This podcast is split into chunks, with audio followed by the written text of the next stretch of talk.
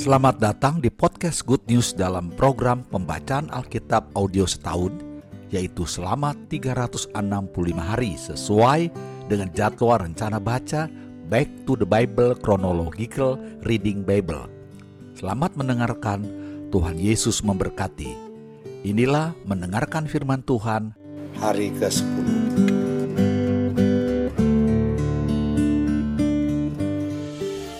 Ayub pasal 24 ayat 1 sampai 25. Allah seakan-akan acuh tak acuh terhadap kejahatan. Mengapa yang Maha Kuasa tidak mencadangkan masa penghukuman dan mereka yang mengenal Dia tidak melihat hari pengadilannya?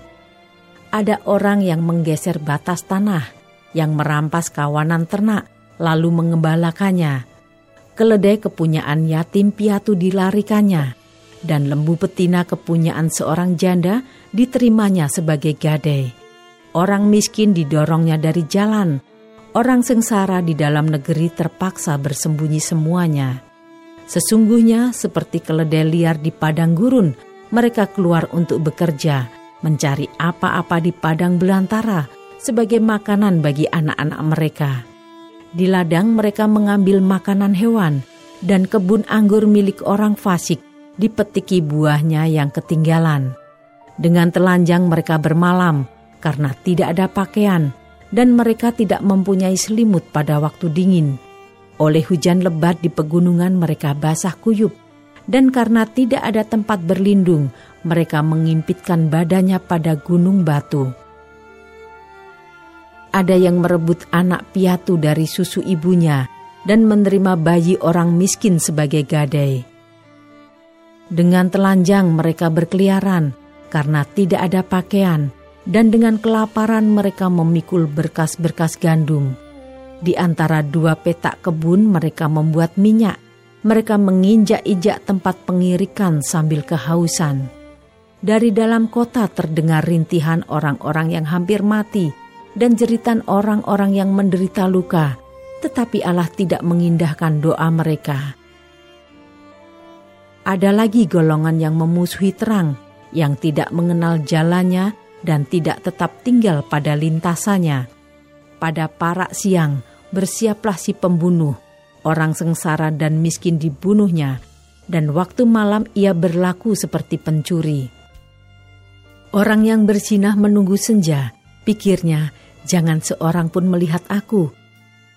Lalu dikenakannya tudung muka di dalam gelap mereka membongkar rumah. Pada siang hari mereka bersembunyi.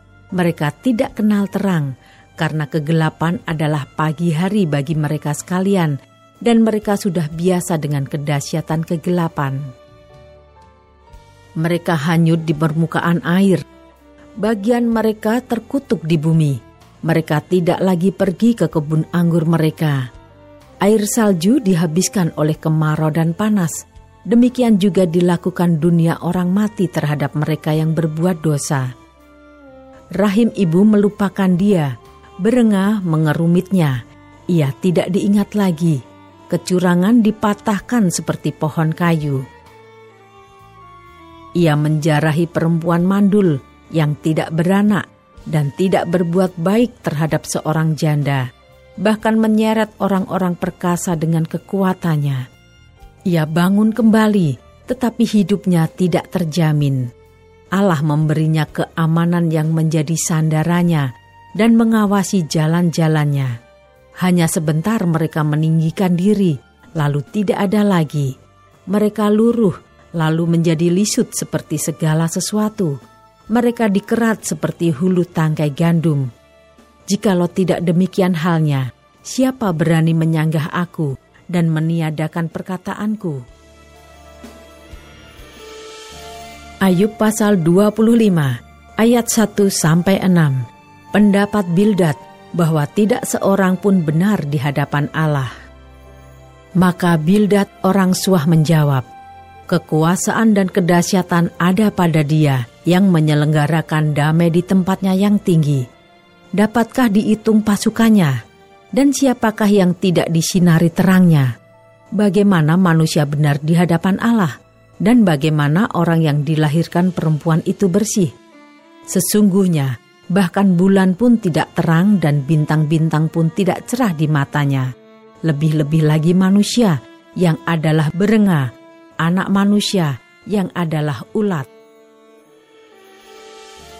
Ayub pasal 26 ayat 1 sampai 14. Jawab Ayub, siapa dapat mengerti kebesaran Allah?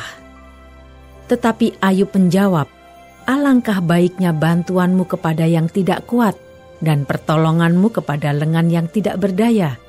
Alangkah baiknya nasihatmu kepada orang yang tidak mempunyai hikmat dan pengertian yang kau ajarkan dengan limpahnya. Atas anjuran siapakah engkau mengucapkan perkataan-perkataan itu, dan gagasan siapakah yang kau nyatakan? Roh-roh di bawah menggeletar, demikian juga air dan penghuninya. Dunia orang mati terbuka di hadapan Allah, tempat kebinasaan pun tidak ada tutupnya. Allah membentangkan utara di atas kekosongan dan menggantungkan bumi pada kehampaan. Ia membungkus air di dalam awannya, namun awan itu tidak robek. Ia menutupi pemandangan tahtanya, melingkupinya dengan awannya. Ia telah menarik garis pada permukaan air sampai ujung perbatasan antara terang dan gelap. Tiang-tiang langit bergoyang-goyang, tercengang-cengang oleh hardiknya. Ia telah meneduhkan laut dengan kuasanya dan meremukkan Rahab dengan kebijaksanaannya. Oleh nafasnya langit menjadi cerah, tangannya menembus ular yang tangkas.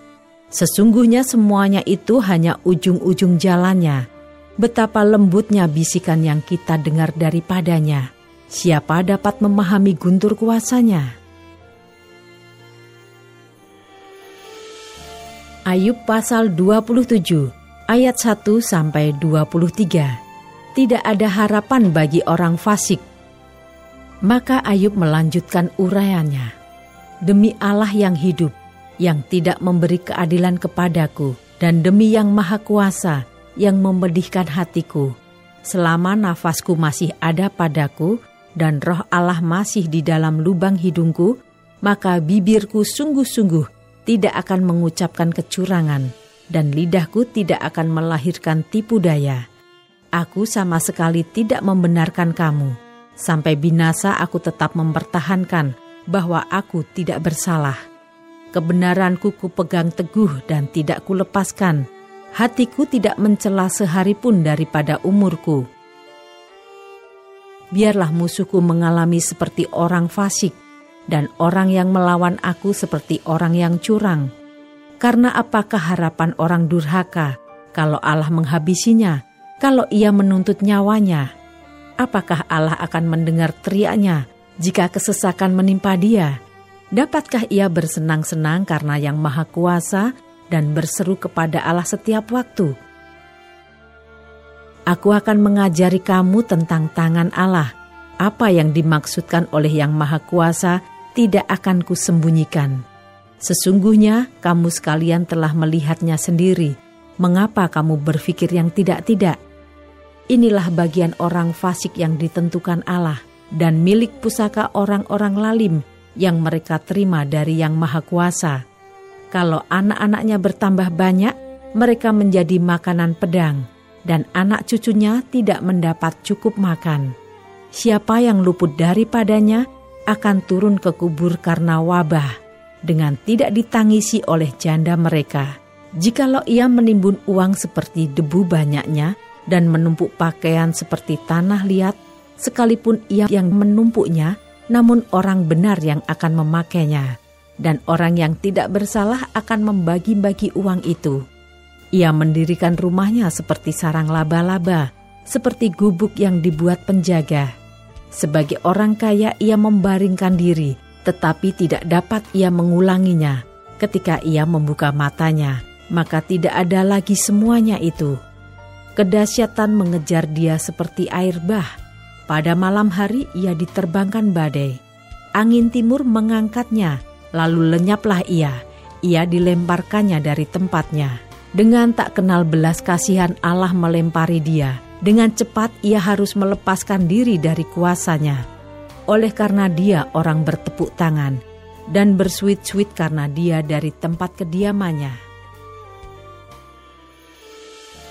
Ayub pasal 28 ayat 1 sampai 28. Manusia tidak dapat menemukan hikmat. Memang ada tempat orang menambang perak dan tempat orang melimbang emas. Besi digali dari dalam tanah dan dari batu dilelehkan tembaga. Orang menyudahi kegelapan dan batu diselidikinya sampai sedalam-dalamnya di dalam kekelaman dan kelam pekat.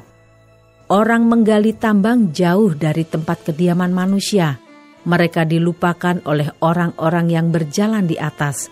Mereka melayang-layang jauh dari manusia. Tanah yang menghasilkan pangan, di bawahnya dibongkar bangkir seperti oleh api. Batunya adalah tempat menemukan lasyurit yang mengandung emas urai. Jalan ke sana tidak dikenal seekor burung buas pun, dan mata elang tidak melihatnya. Binatang yang ganas tidak menginjakkan kakinya di sana, dan singa tidak melangkah melaluinya. Manusia melekatkan tangannya pada batu yang keras. Ia membongkar bangkir gunung-gunung sampai pada akar-akarnya. Di dalam gunung batu ia menggali terowongan dan matanya melihat segala sesuatu yang berharga. Air sungai yang merembes di bendungnya dan apa yang tersembunyi dibawanya ke tempat terang. Tetapi di mana hikmat dapat diperoleh? Di mana tempat akal budi? Jalan ke sana tidak diketahui manusia dan tidak didapati di negeri orang hidup, kata Samudra Raya. Ia tidak terdapat di dalamku, dan kata laut, ia tidak ada padaku. Untuk gantinya tidak dapat diberikan emas murni, dan harganya tidak dapat ditimbang dengan perak.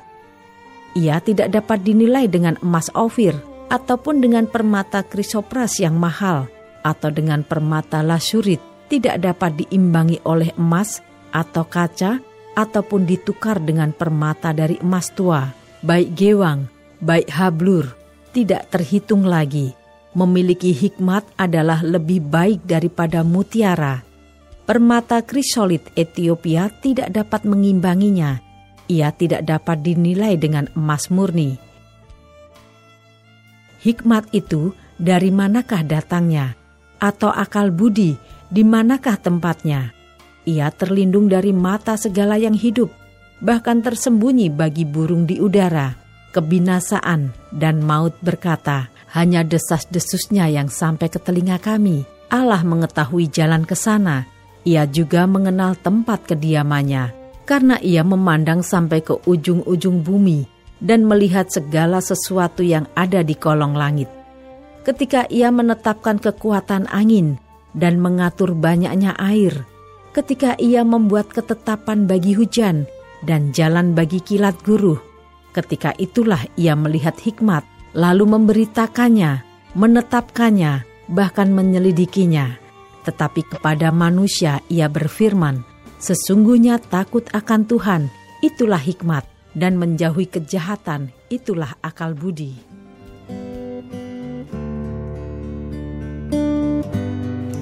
Selamat saudara sudah mendengarkan firman Tuhan hari ini. Sampai jumpa esok hari.